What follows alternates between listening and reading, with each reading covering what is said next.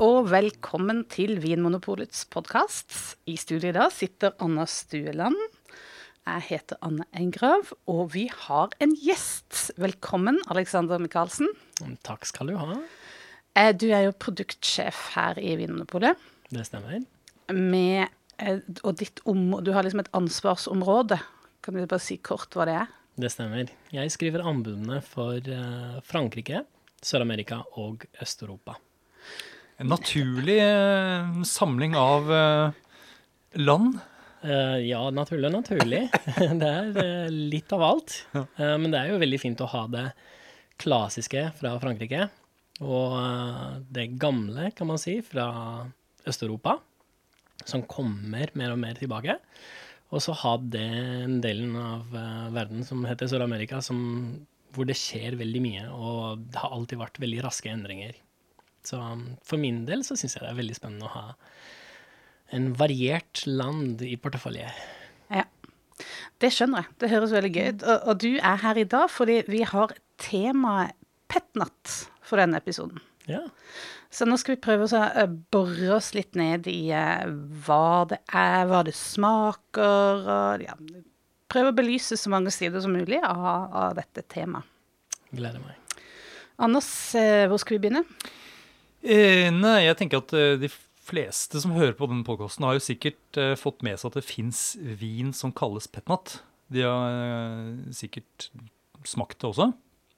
Men det er jo ikke sikkert at de vet hvordan petnat lages.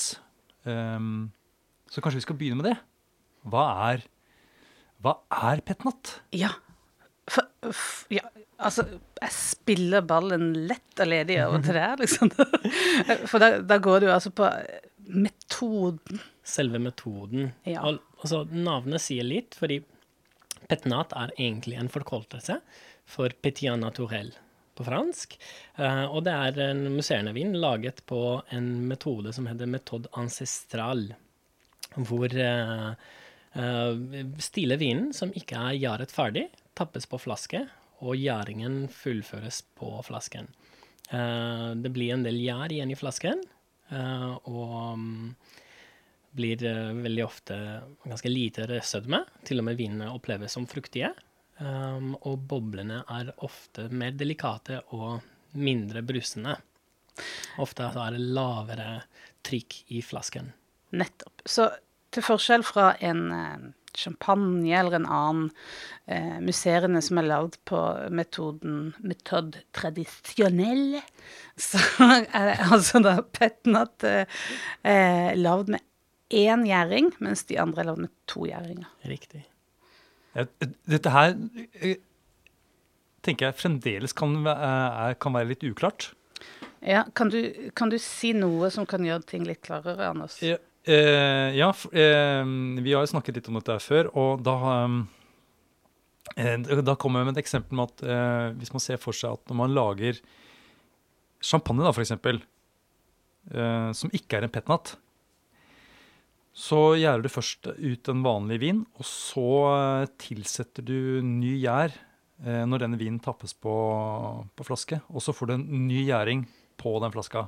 Ja, så det er to fullførte gjæringer. Det er to på en måte, gjæringsprosesser som skal til.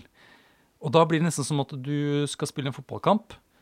Og så har du liksom den første delen. Da har du eh, gjæringen av vanlig vin, og da har du ett, ett lag. Og så, når du da tapper denne vinen på flaske og tilsetter ny her, så eh, bytter du ut hele laget. Og spiller da andre omgang med et nytt lag. Ah, Bytte ved pause. Ja, nettopp Bytte ved pause. Mens med petnat så bytter du ikke lag. Du tilfører ikke noe ny gjær. Du bare lar den samme gjæren som har vært med hele veien, den uh, får lov til å jobbe videre etter at vinen er tappet på flaske. Ja, det er ingen pause. Nei. Nei, nei, nei det er ingen pause. Du spiller med samme lag hele veien. Ja. Hele kampen. Nettopp. Ja, men da har vi i hvert fall fått det, det metodiske på plass. Jeg tror vi Ja. kommer liksom litt inn på det når vi, jo mer vi snakker om, eh, om petnat, så er jo dette noe vi kommer tilbake til. Men altså, eh, du, du sa det så fint, eh, Alexander, at det er en forkortelse av petia naturell. Mm. Eh, og petia, det er jo et begrep for Perlene. At det er en perlende vin. Et mm. fransk ord for at vinen er perlende. Så Det vil alltid være bobler i en, i en petnat. Ja. En stille pettnatt, det, det går liksom ikke an. Nei.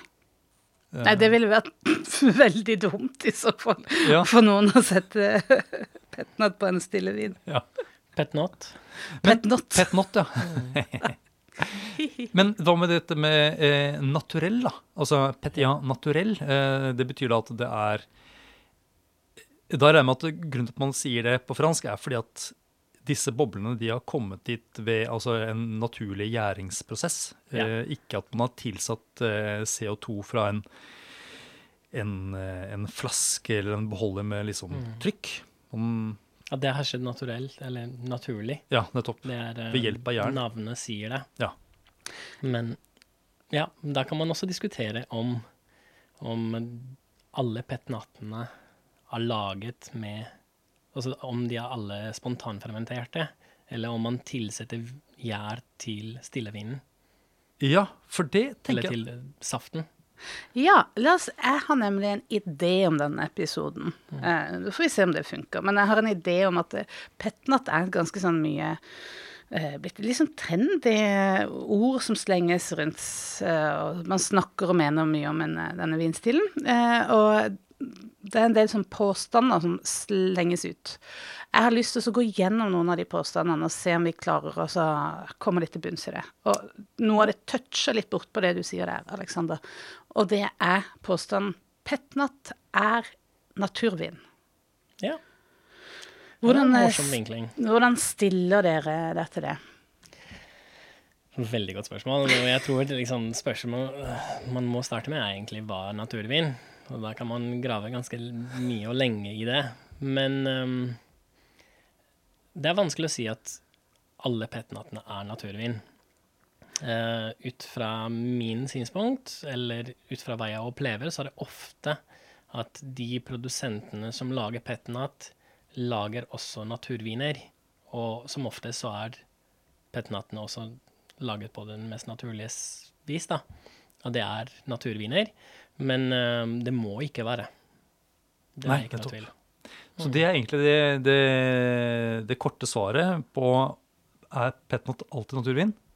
Ofte, men ikke nødvendigvis. Nei, nettopp.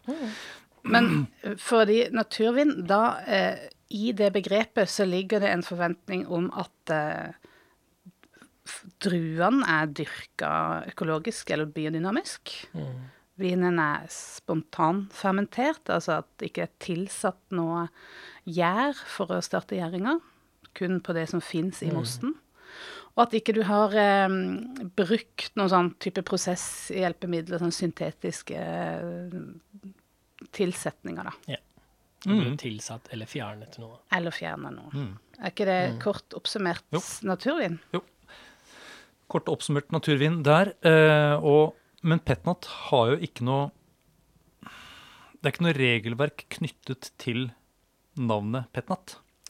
Ikke knyttet til selve navnet Petnat eller Petiana Torell, men det fins noen appellasjoner i verden, mest i Frankrike og en i Italia, hvor det er en del regler knyttet til selve metoden, hvordan det blir produsert. Ja. Men eh, hvis det står petnat på en flaske, så er det ikke sånn at du er eh, garantert gjennom et lovverk at den f.eks. er en naturvin. Nei. Nei, det er opp til produsenten selv å velge det. Opp til det. produsenten selv, og de Altså, Petnat kommer i alle form og farger, og det produseres på mange forskjellige druer. Ja, for det er jo interessant. Man tenker gjerne at eh, musserende og perlende vin er hvitvin. Eh, og, så er det noen roséviner. Men, men her er det snakk om rødvin. Rød petnat, oransjevin Oransjevin, nettopp, ja. eh, Rosé og hvit. Ja. Og alle tenkelige druer. Felles for dem er det at de er perlende og eh, er, har bare hatt ett lag Gjær. gjær uten pause. Ja, men det, det er jo egentlig en sånn, sånn frihet innenfor dette som passer godt med naturvinsfilosofien, tenker Ja. jeg. Så det er jo ikke så rart om det er, om det er en del naturvinsprodusenter som velger å gjøre det på denne måten. Nei, og som ofte så er det laget i ganske små skala.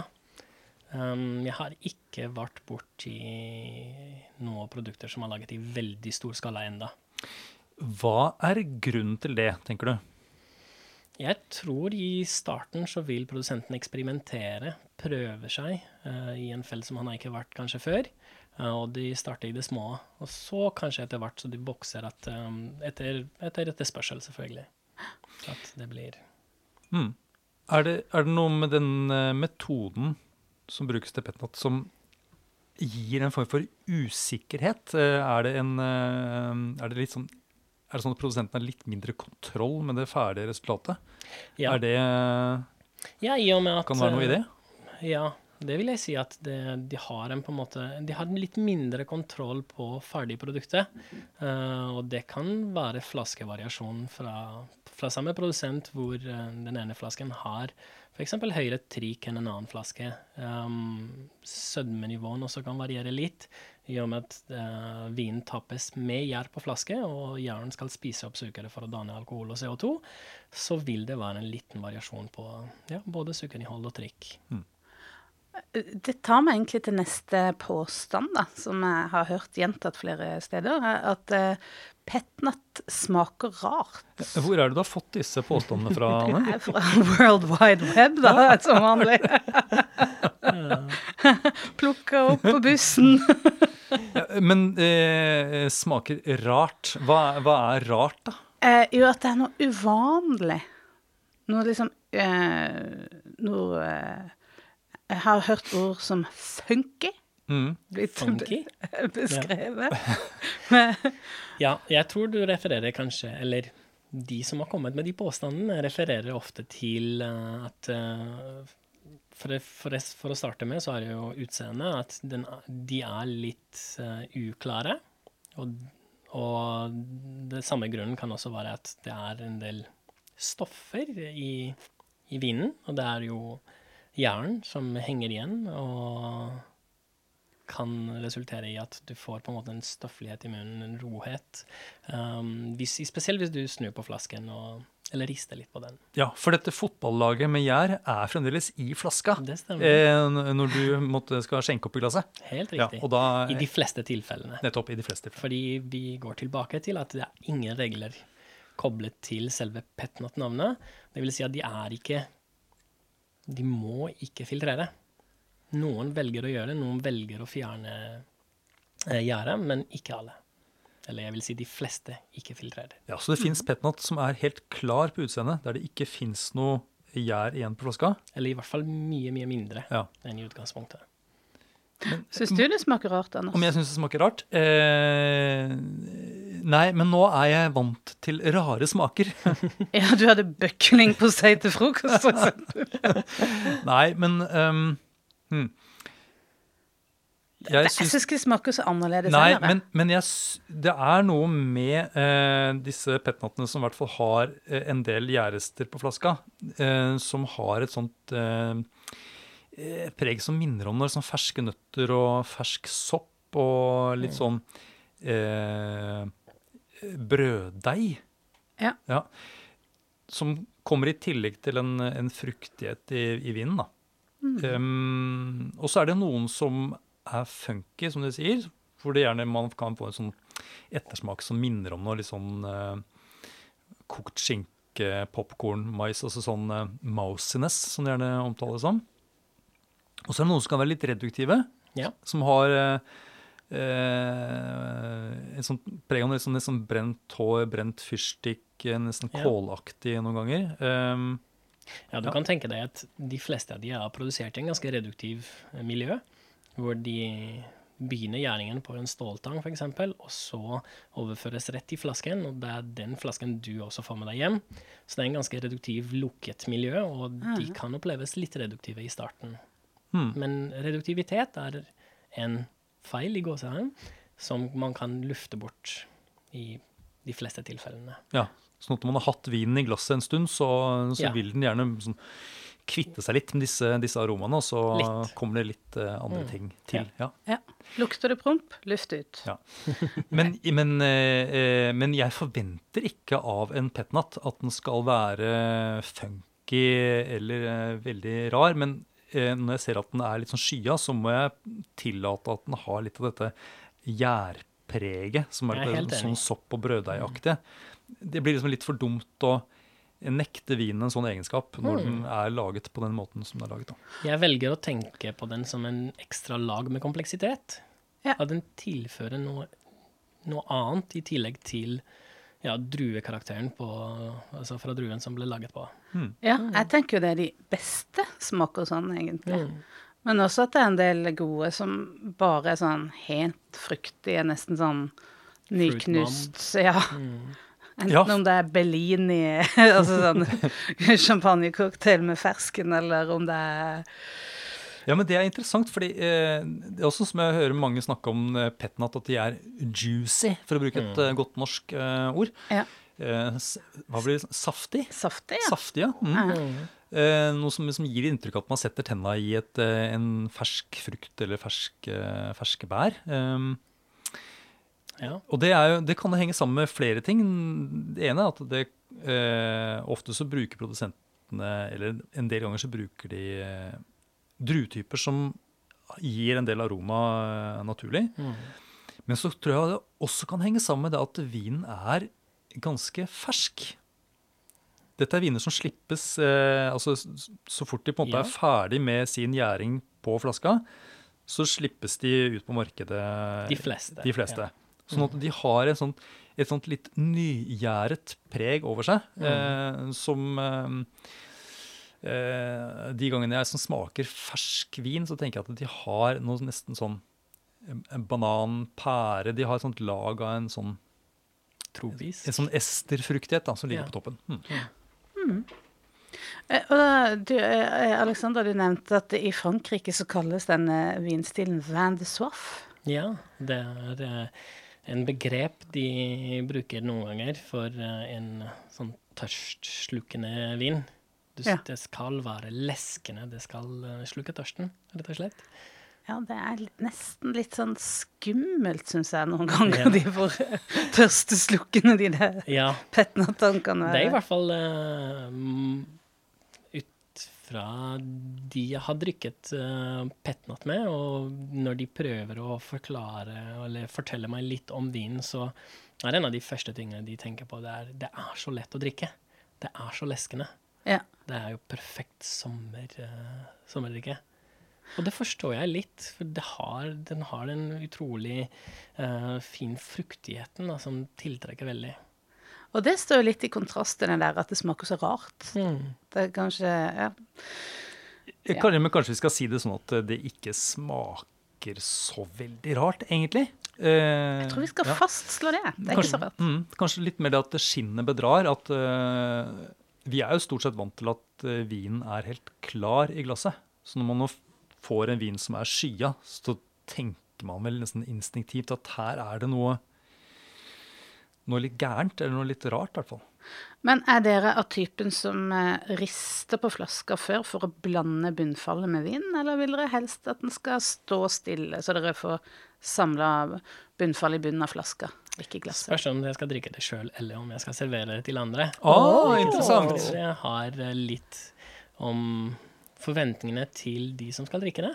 Eh, Jeg selv gjerne snur på flasken eh, når jeg drikker det sjøl, men så ser jeg litt på hvem som var rundt bordet før jeg rister på flasken. Dette, her føler jeg at vi, dette må vi følge litt opp. Um, kan, du, kan du fortelle litt mer om sånne karaktertrekk eh, til disse ulike personene? Eller, ja? Nei, det er jo vanskelig å Hva er det som er Nå setter du meg i hjørnet. hva er det du på en måte skiller dem på? Nei, mest eh, kanskje jeg hadde eh, Jeg skiller på hvor erfaren man er i vinreisen. Eh, um, hvor mye vin du har smakt før, og hvor åpent du er til å prøve nye ting. Så kanskje noen ganger så hadde jeg valgt å utfordre deg, mens noen ganger så hadde jeg kanskje tatt den siste glasset som har litt mer bunnfall. Mm. Eh, vil du si at de som er mest uflidde, de som trives best med grumsete vin? Eh, Litt sånn rotekopper?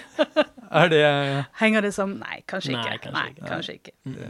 jeg Jeg tror ikke du har uflidde venner heller. Som på, på Noen. Noen.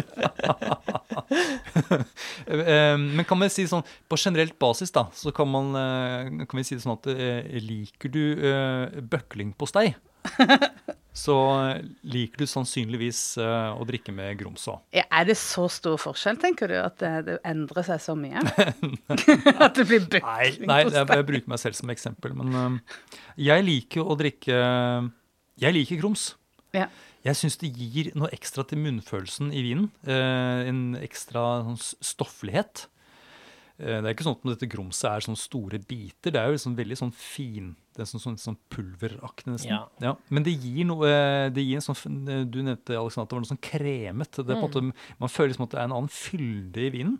Jeg syns den tilfører struktur og nesten tekstur i Ja. vinen. Mm.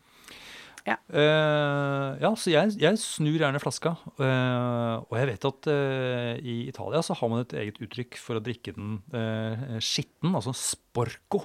Det høres skittent ut. Eh, det er jo litt Sparko. Sparko. Det er jo litt gøy, da. Mm. Ja, og hvis den er rein, hva heter den da? Nei, det husker jeg ikke. Lim limpido? Det er kanskje Limpido, ja. Ja. Vaska. Ja. Men vi går videre til en ny påstand, og det har jeg faktisk lest i selveste Bibelen, uh, Jancis Robinson eh, sin Oxford Companion to Wine. Og det er at petnat har som regel alltid restsødme. Ja. Altså sukker igjen i vinen. Ja, at den har litt sødme. Ja.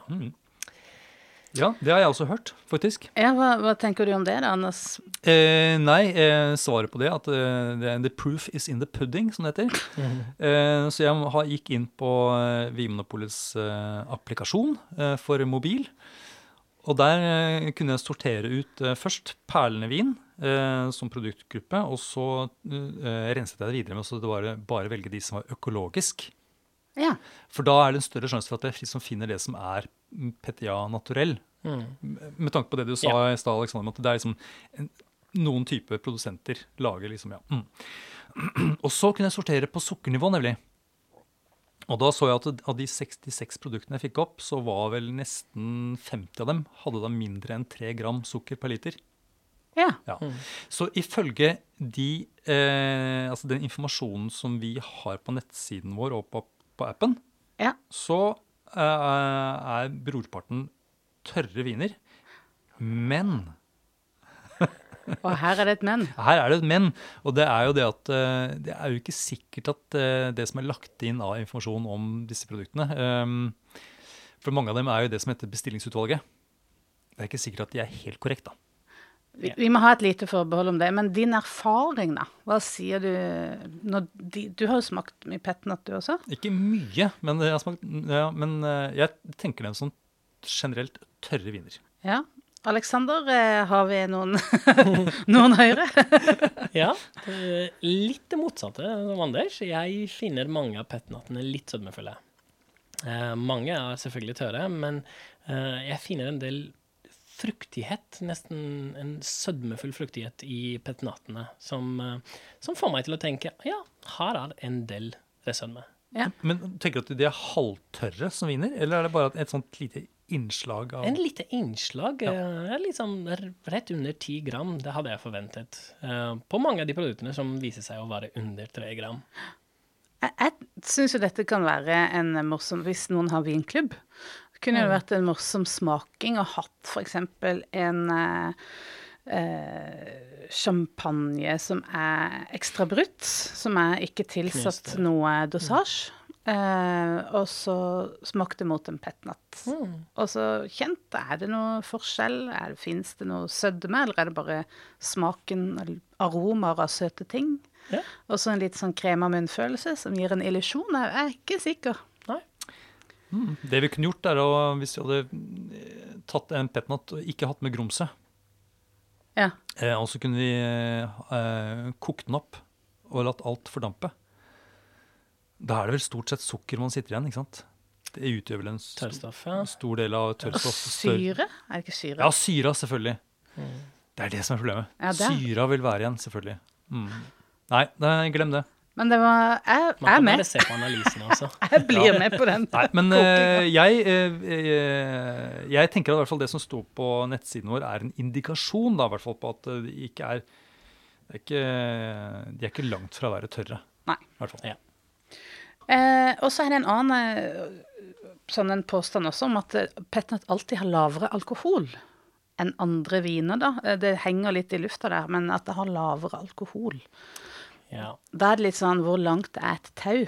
Hvor, hva er lav alkohol? ikke sant. Det er noen eh, vinområder i verden som satser litt på lav alkohol. Eh, Noen områder i New Zealand f.eks., hvor, eh, hvor de prøver på en måte å dyrke fram et konsept uh, som lav alkohol, men der tror jeg det er under 9 gram, uh, under 9% alkohol. Ok, det er det, det er det de Det er- tenker på som lavalkohol? Det er det som de tenker som på lav alkohol. Og det er vin hvor de ikke har fjernet alkoholen. naturlig. Ikke sant? Ja. At, eh, at druene kan høstes inn tidligere. Um, ja. Mm. Og så er det noen druer som um, blir modne uten å, utvikle så mye sukker. Eh, men um, jeg, jeg er litt usikker om Petnat har så mye lavere alkohol. Um, ut fra min erfaring så har jeg sett alt fra ja, 10,5-11% til 13 uh, kanskje til og med 13,5. Så hvis man skal sammenligne med de andre vinene i verden, så er det ikke så stor forskjell. Nei. Så litt debunka den uh, myten. Ja. Ja, for det Enig. som bestemmer uh, hvor mye alkohol som blir i ferdig vin, er jo hvor mye sukker som er i druene når de høstes. Riktig. Mm. Og hvor mye av det sukkeret som omdannes til alkohol. Så Som hvis blir du, spist. ja, så hvis du velger å stoppe gjæringa, da, eller hvis gjæringa stopper før alt det sukkeret er omdanna, så vil det jo bli kanskje litt lavere alkohol. Ja, og kanskje det vil understøtte min påstand om at det er litt mer sukker i flasken. Ja, Mm, At ja. gjæren har Ja. ikke, har ikke spist opp alt sukkeret, ja. men det er lite sannsynlig. ja nei, jeg også har jo bare sett at vinen ligger sånn mellom ja, 11 og 13% er de som jeg har vært borti. Ja. Flesteparten, i hvert fall.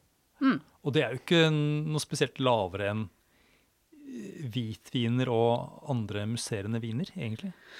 Det er jo ikke egentlig det. Og det er kanskje uh, denne her uh, ideen om at det er så mye mindre alkohol i petnat, uh, er kanskje også eh, med på å forklare hvorfor neste påstand har jeg blitt utsatt for. Eh, du blir ikke fyllesyk av petnat. Og her kan jeg bare legge til for egen erfaring. Det er Jo, veldig bastant. jo, det, du blir det. Men kanskje dere kan gi noe mer sånn vitenskapelig forklaring på det. Mm, Jeg tror vil, jeg vil holde meg unna vitenskapelige forhandlinger. Jeg bare nevner at mengden har noe å si. Mengde har noe å si. Det er alkohol som gjør det. eh, Ja. Altså mengde petnat. Men mengde Ja. alkohol som Ja. du får inn generelt. Ja. Det er en grei tommelfingerregel, vil jeg si. Mm. Men det Jeg var har en ikke tøyd strikken eh, så langt med petnat. Var det ikke det, nei? Eh, Men eh, jeg tror også at det Jeg tror ikke det er noe forskjell på, på petnat eller eh, annen vi- vin. Men, men kan denne, eh, denne påstanden eller myten da, om at man ikke blir bakfull av, eh, av petnat, kan det henge sammen med at man eh, forbinder denne vintypen med naturvin? Ja. Eh, og mange tenker på naturvin som viner som er hva skal jeg si, reinere eh, og mindre skadelige eh, for kroppen. Prøvde du å unngå å si sunnere? Eh, Ja, ja, ja. Eh, for, det tenker jeg, det er, eh, det er jo en myte, sånn som jeg ser det i hvert fall. At det er alkohol som er Det mest Det skadelige. er jo det mest skadelige. Ja. Eh, En ting som vi glemte også å si når vi snakker om naturvin, det handler jo om svovel. Mm. Altså det her antioksidanten, eller anti... Altså det som dreper eh, uhumskheter i, i vinen. Ja. og at i naturvin så er det eh, veldig strenge grenser for hvor mye som kan tilsettes, og i mange tilfeller er det ingenting. Ja. Uh, det gjelder jo for mange petnatter at det ikke er svovla. Gjør det ikke det? Ut fra det jeg har sett, så er det mange av disse Petna-produsentene som har enten økologisk sertifisering eller driver etter økologiske eller biodynamiske prinsipper. Og innenfor den rammen så er det ganske lav eh, svovel tillatt, eh, eller praktisert generelt. Og så skal man også tenke på at vinen blir tappet på flaske med gjær og sukker. Og hvis du svovler for mye, så vil ikke den Altså, den gjæren komme til å dø, og da får du ikke fullført gjæringen, og da får du ikke boblene heller. Så produsenten må være veldig forsiktig med svøvlingen hvis den svøvler det hele tatt. Ja, Mm. det er sant. Og jeg tror eh, jeg har hørt mange koble dette med lite svovel og hodepine. Eh, altså ikke hodepine. Så det kan være noe med det med fyllesyke og sånn, men eh, det tror jeg ikke Det har ikke jeg lyst til å gå god for. Så det tror jeg vi må overlate til legevitenskapen å bevise eller motbevise. Mm, La oss gjøre det. eh, har du flere Ja. Dette med eh, grums, for det var egentlig men det har vi jo egentlig snakka om. At petnat er alltid grumsete. De har vel sagt at det er litt både og. Ja. Kommer an på om du filtrerer. For du kan altså filtrere etter gjæringa er ferdig ja, og, og det er jo Det, eh, det syns jeg er litt forvirrende, faktisk. For man snakker jo om petnat eh, som en metode der hvor man liksom En gjærende vin puttes inn på flaska og gjærer ferdig på flaska, og så er vi ferdig med det. Men hvis man skal filtrere den vinen Du får jo ikke filtrert den vinen inne i flaska. Så det betyr at den vinen den må jo da ut av flaska etter at den er gjæret ferdig på flaska. Ja. Og så må den inn igjen. ja. Det er litt tungvint. Og da regner jeg med at det er ikke sånn at den vinen som har vært i akkurat den flaska, går tilbake igjen i den flaska. Nei. De putter alt opp i en stor tank, regner jeg med. Og det, er, det må jo være under trykk, så du beholder eh, Helt riktig. Det må være undertrykk, og det er en relativ Jeg vil tro at det er en relativt kostbar prosess eh, som krever ganske avansert utstyr, eh, og- de mindre produsentene har ikke tilgang til. Ja. Så jeg vil tro at det henger litt sammen med at de mindre produsentene vil la den stå i flasken. Så da vil de kommer aldri til å filtrere. Så det at uh, petnaten ofte er skya, det kan eh, også henge sammen med at eh, hvis du ønsker å lage en klar vin, så krever det slett eh, eh, dyrt og avansert utstyr. Og en ekstra prosess. Ja. Kostbar prosess. Ja.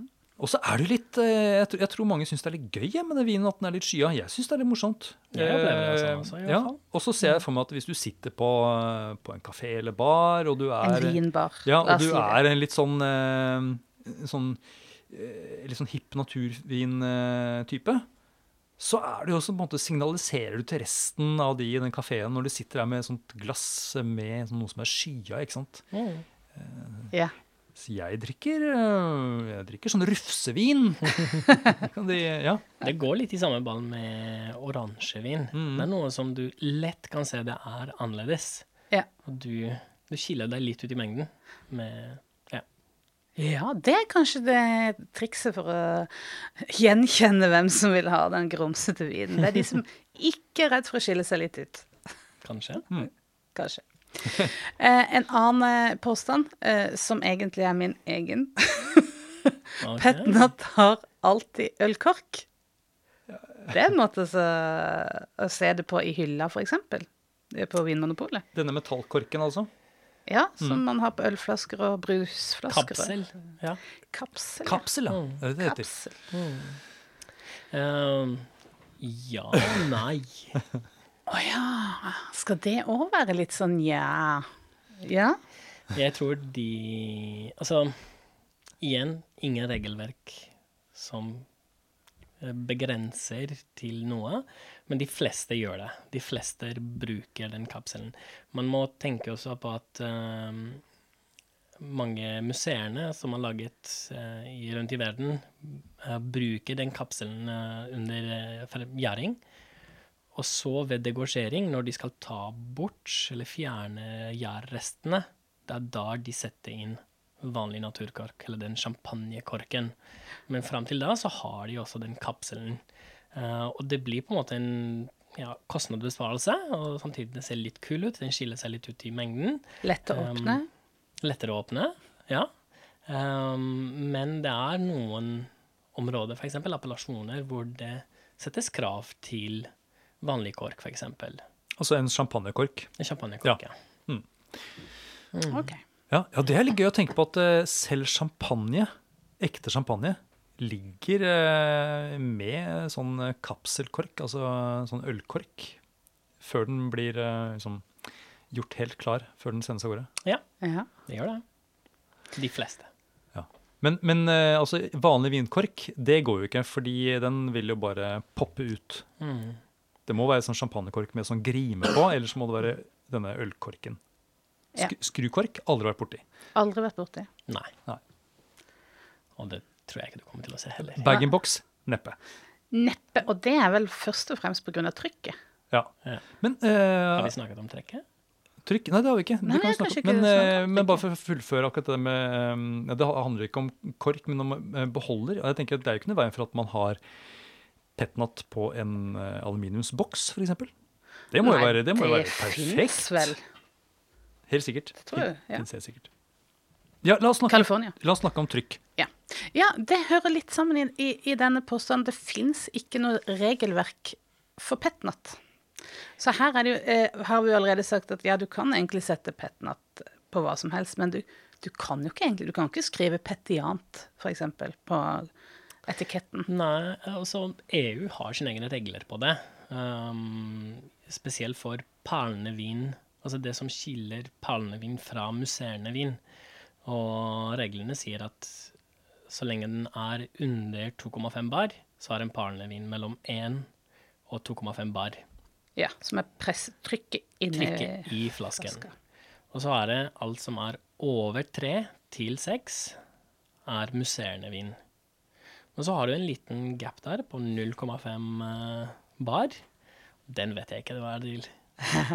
Som, eh, Nei, Eh, nei det finnes ingen mellomkategori. Eh, nei, jeg har aldri hørt noen problematisere akkurat det.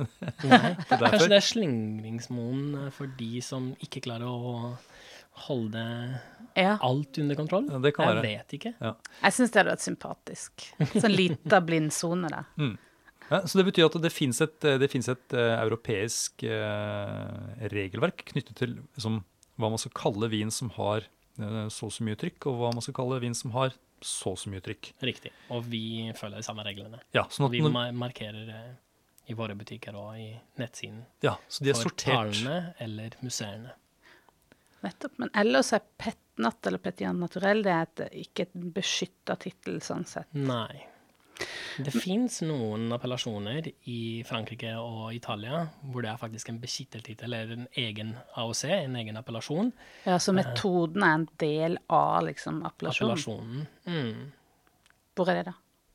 Det er i, i, altså, I Italia har vi en som heter Colfondo, i Veneto, i Prosecco-området.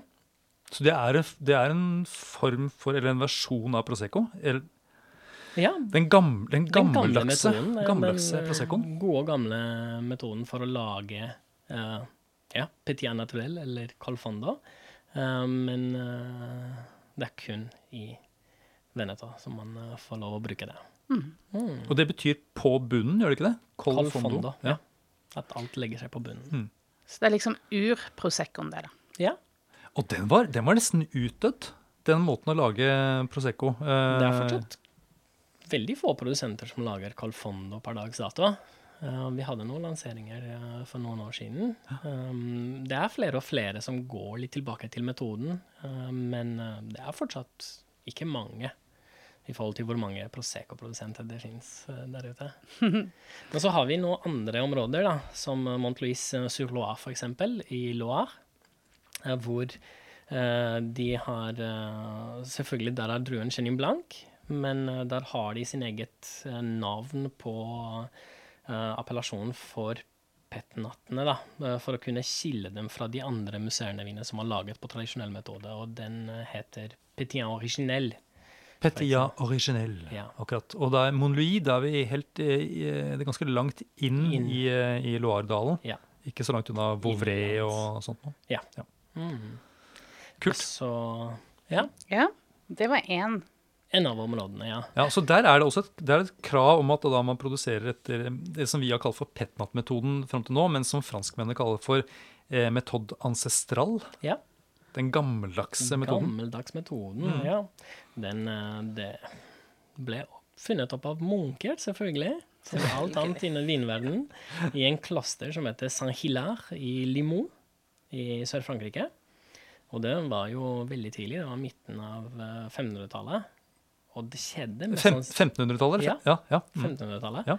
Uh, og det skjedde mest sannsynlig by chance. Nettopp. Eh, Det var ikke planlagt, dette her. Nei. Det tviler jeg. Som de fleste store gastronomiske oppfinnelser. Ops! Hei, dette er jo delicious. Ja, fordi eh, 1500-tallet, det er jo lenge siden. Eh, og den gangen så var jo Da hadde man begynt å tappe ting på flaske. Mennesker har jo ikke holdt på med flasker så lenge, liksom. Nei. Uh, Det er klart, det henger jo sammen. det må jo henge sammen at du, på en måte ha, du må ha en beholder som holder faktisk eh, CO2-en på plass for å få denne effekten. Så det var liksom, jeg tenkte at det var liksom dømt til å skje en eller annen gang. En gang, ja. Når de kom i gang med flaskene. Ja. Ja, det skjedde mest sannsynlig pga. temperatur, vil jeg tro. At eh, etter innhøstning så ble druer presset og laget um, um, Gjæringen trodde de at den var ferdig, og så begynte de å tappe på flasken, og så ble det kaldt utover vinteren. Vinden lå stille, ingenting skjedde, mens på våren så begynte det å boble inn i flasken, og når de åpna flasken, så fikk de seg en fint overraskelse. Ja. Vin smakte En godt. kald dusj. En kald dusj, mest sannsynlig. En lunken dusj, vil jeg tro, uh, i starten. Eh, Men dette her er jo faktisk uh, før uh, de fant opp champagnen i champagne. Ja, Ja, så dette her er Lenge en, før. Ja, så her snakker vi om den originale museen, altså det er feil å si museenvin som skal holde seg til sånn EU-regelverket, men Mm. i hvert fall eh, den første boblevinen. Det er derfor de kaller også den for metod ancestral. Det er uh, The ancestors. gammel. Ja, nettopp. Mm. Og da nevnte du altså da dette klosteret Ja, Saint-Hilaire, Saint-Hilaire. som da ligger eh, i Limo. Limo. Ja. Mm. Og Limo har også en egen AOC for uh, Petnat, og den heter Limo Metod Ancestral. Ja. Og, og Limoux, hvor er det det ligger hen? Vi er i Frankrike, selvfølgelig. Vi er i Frankrike, i Sør-Frankrike. Ja, Mm. nettopp. Så det er, er det så langt ned som Er det sånn type Languedoc, Roussillon Eller er vi i Det er liksom borti Det er borti der et eller annet sted? Ja. Ja. Nei, nå hørtes jeg nå, Det hørtes ikke så bra ut. Stemmer det? Det er nedi der, ned mot Middelhavet. Ja men, det, ja, men det gjør det, ikke sant? Det ligger i Languedoc.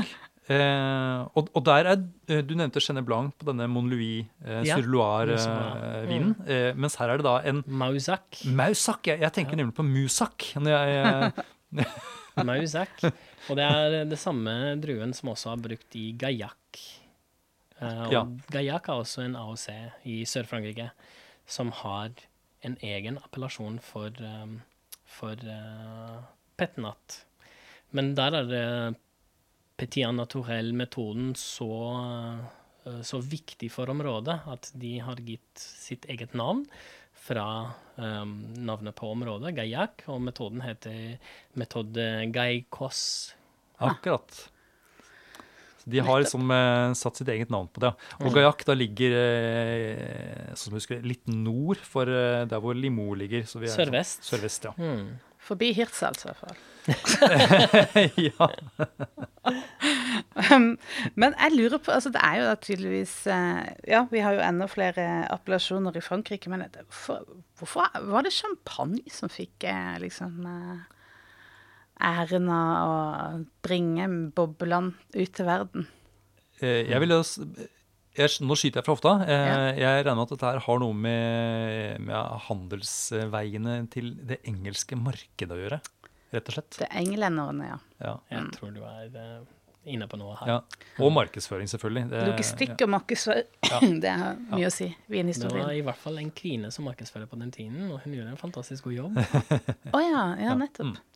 Mad Eh. Madame, hun skal ikke si det. Nei. Mm. Hun hadde interesser i et vinhus. Ja. Men det er også noen eh, det, du, hadde, du var ikke helt ferdig. men Du hadde flere eh, franske appellasjoner med ancestralmetoden. Ja, Um, vi har uh, Bougie, Mm. ja. som er uh, Hva blir det, da? Det blir øst i Frankrike. Ja, inn mot, eh, inn mot Sveits, egentlig. Ikke så langt unna Savoie og og Jura. Mm. Ja, midt imellom Ja. Savoie og Jura. Midt imellom der. Ja. Og der har de en rosé-variant. Eh, Cerdon. Cerdon, ja. Mm. Som baseres på Pulsar og Gamay-druen. Ja. Og så er det en hvit en som bare da heter eh, Bouchy. Stemmer Ja. ikke? Ja. Men det er eh, litt høyere sødme. Og det samme Ah. gjelder også for uh, Claret du Di. Um, midt i landet, i, eller midt i midt uh, sør, uh, i Håndalen. Um, hvor det er også en minimumskrav for 35 gram sukker per liter. Så de er ganske sødmefulle. ja, det er, eh, Og det er en det er en, egen det er en solid egentlig. sødme, vil jeg si. Eh, Ja. ja. Da er det en vin som Da, er ja, da begynner det å mot bli søtlig. Eh, halvsøt, søt. Ja. Ja, og det er jo nesten en sånn en kunst. En fermenteringskunst. Ja, Vi snakka tidligere om det. Eh, Det er jo den metoden som heter eh, metode Dioas. Ja. ja, fordi Ja, for de har altså klart å De gjør alt foregår i én gjæring, men du har beholdt sødmen.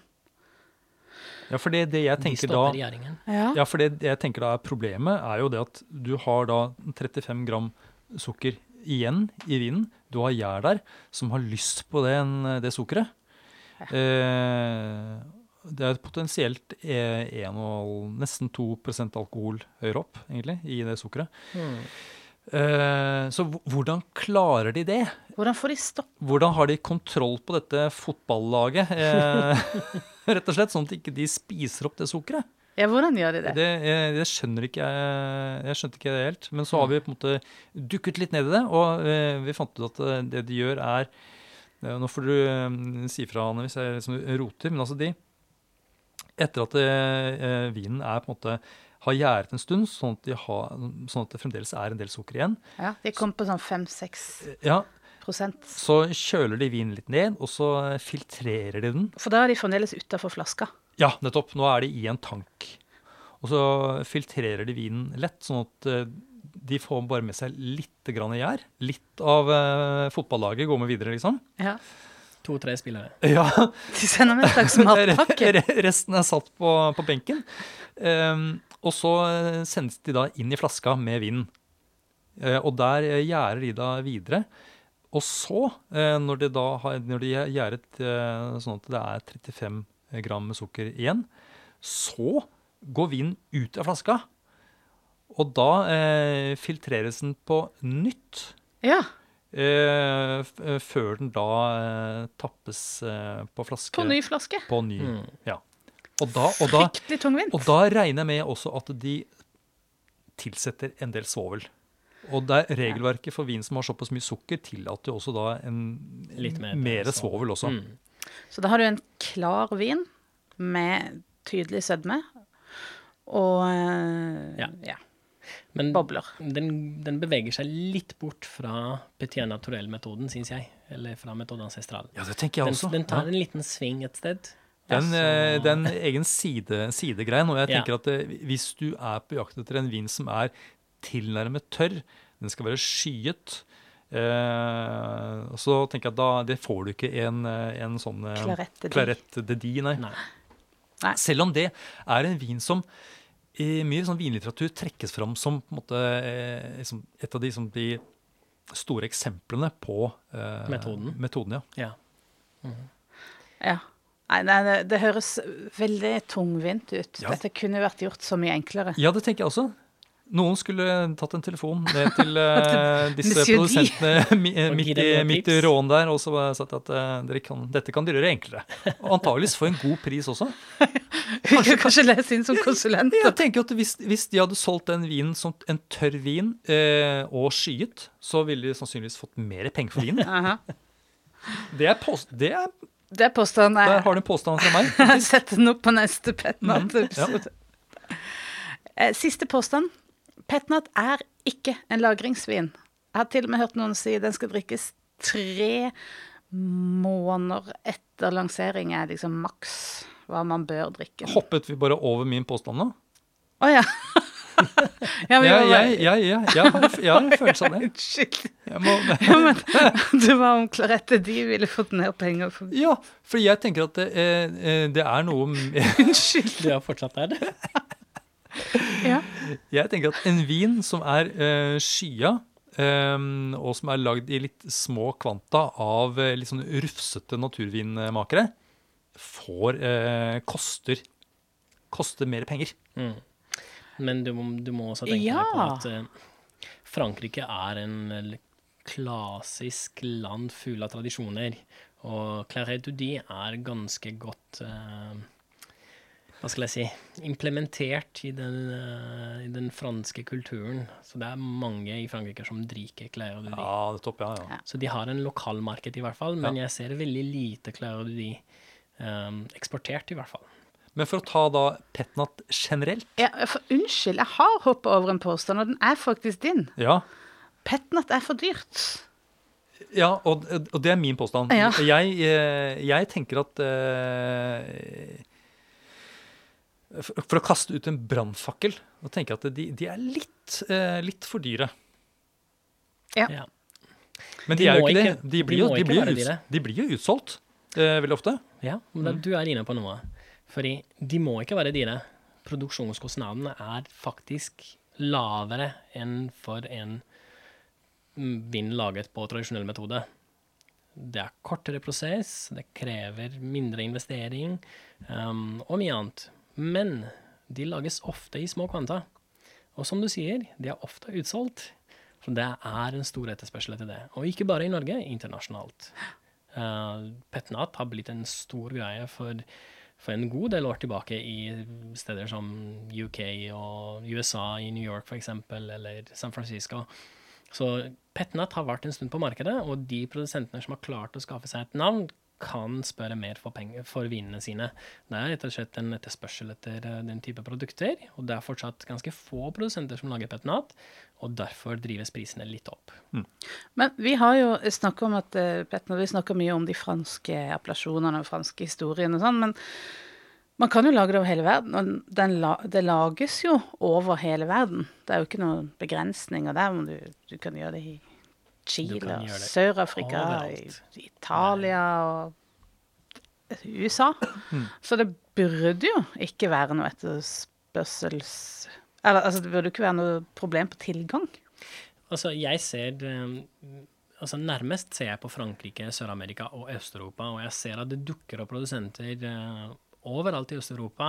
Um, I Argentina har vært i noen år eh, en liten bølge med petnat-produsenter.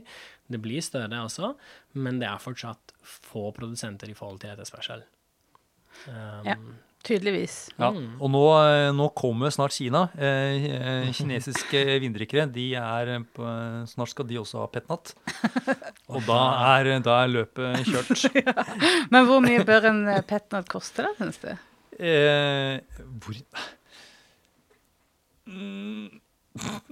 Nei, jeg tenker jo et sted mellom 150 og 200 kroner. Og hva syns du, Alex? jeg er enig med sistetallet hans. ja. 200?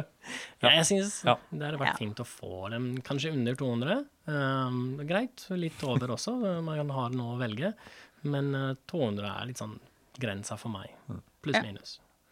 Nei, men det er klart, det er, det er et fenomen, dette her. Det er mange som er interessert. Og så er det jo um, det er jo, eh, det er jo produsenter spesielt. Jeg tenker I California så har det virkelig fått et sånt oppsving. og Det er, sånn, Virkelig. det er en sånn coolness over det. ikke sant? Det er eh, eh, sånn at du kanskje bare får kjøpt det hos produsenten eh, eller noen få utsalgssteder. og Det blir liksom litt, eh, litt hype rundt det. Ja, og så I starten så var det mange produsenter i Loire og sørvest Frankrike, men nå ser du produsenter i Kroatia og Bulgaria og ja, i Argentina og Chile. Overalt. Ja. Det, er, um, det er utrolig spennende å følge med. Det er liksom, liksom fristil-grenen innenfor Ja. Det er det. Eh, så da, det aller siste påstanden eh, fra meg i dag. Eh, Petnat er ikke en lagringsvin. Ja. For, ja, og altså da helt så spesifikt som tre, maks tre måneder etter lansering har jeg hørt eh, Har jeg lest i en eller annen sånn kul artikkel om Petnat. Oh, ja. Nei, jeg Jeg tenker at uh, det varierer veldig fra produkt til produkt. Uh, og fra produsent til produsent. Noen petnater er laget for å konsumere stilig. Uh, drue og drueblenden indikerer ofte også det. Um, spesielt hvis det er mer aromatiske druer, vil jeg påstå at um, man bør konsumere dem litt tidligere.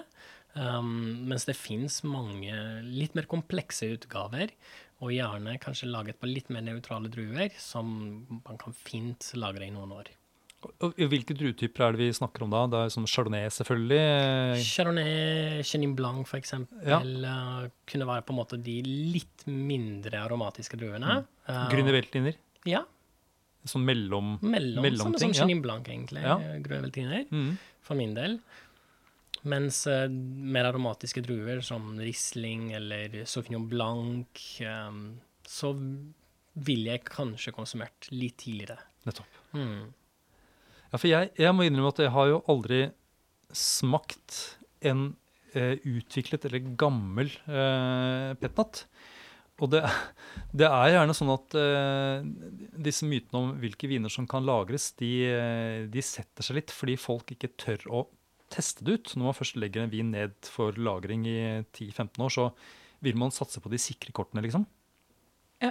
Så eh, inntil det motsatte er bevist, så tenker jeg at eh, ja, hvorfor, eh, hvorfor kan ikke en petnat eh, lagres? Eh, og nå, jeg, nå kan jeg komme med noen, noen gode argumenter. Vær så Eh, god. og det er jo det at eh, de, disse gjærrestene som ligger på flaska, eh, de vil etter hvert gå gjennom eh, den prosessen som vi for autolyse, der de løser seg opp, og så tilfører de da vinen egentlig en, noen sånn gode, noen sånn nøtteaktige brioche-aromaer. Um, og det er det man er på jakt etter når man eh, uh, produserer champagne, f.eks. Uh, det finnes jo champagne som ligger uh, på flaske med bunnfall i kanskje åtte-ti år. Ja. Eh, fordi de ønsker å fin- få en vin som er mer kompleks. Og da er det jo dette bunnfallet som er liksom nøkkelen. Og det samme bunnfallet det fins jo da i en, en petnat. Mm. Så eh, jeg har ikke noe svar på det nå. Eh, spør meg igjen om 10-15 år. Så Fordi du skal lagre en. jeg, jeg skal prøve. De skal legges sine trapper. Yes, og da blir det lagret petnat eh, og en brødskive med bøklingpostei. Tenker jeg. Mm. Tenker det. Det blir kjekt. Eh, vi får bare teste det, da. Eh, Men eh, eh, å lage en oppfølger om eh, 20 år Eh, Men enn så lenge så tror jeg vi er, jeg har i hvert fall fått eh, snakke om det jeg vil. Eh, har dere noe å tilføye, eller? Nei. Nei. Nei, nei. Alt er sagt. Alt er sagt. Jeg kjenner at eh, piffen har gått ut. nei da. Takk for i dag. Takk for at du hører på Vinmonopolets podkast. Har du forslag til et tema i podkasten? Send mail til podkast at vinmonopolet.no. I tillegg svarer kundesenteret deg på e-post, chat og telefon.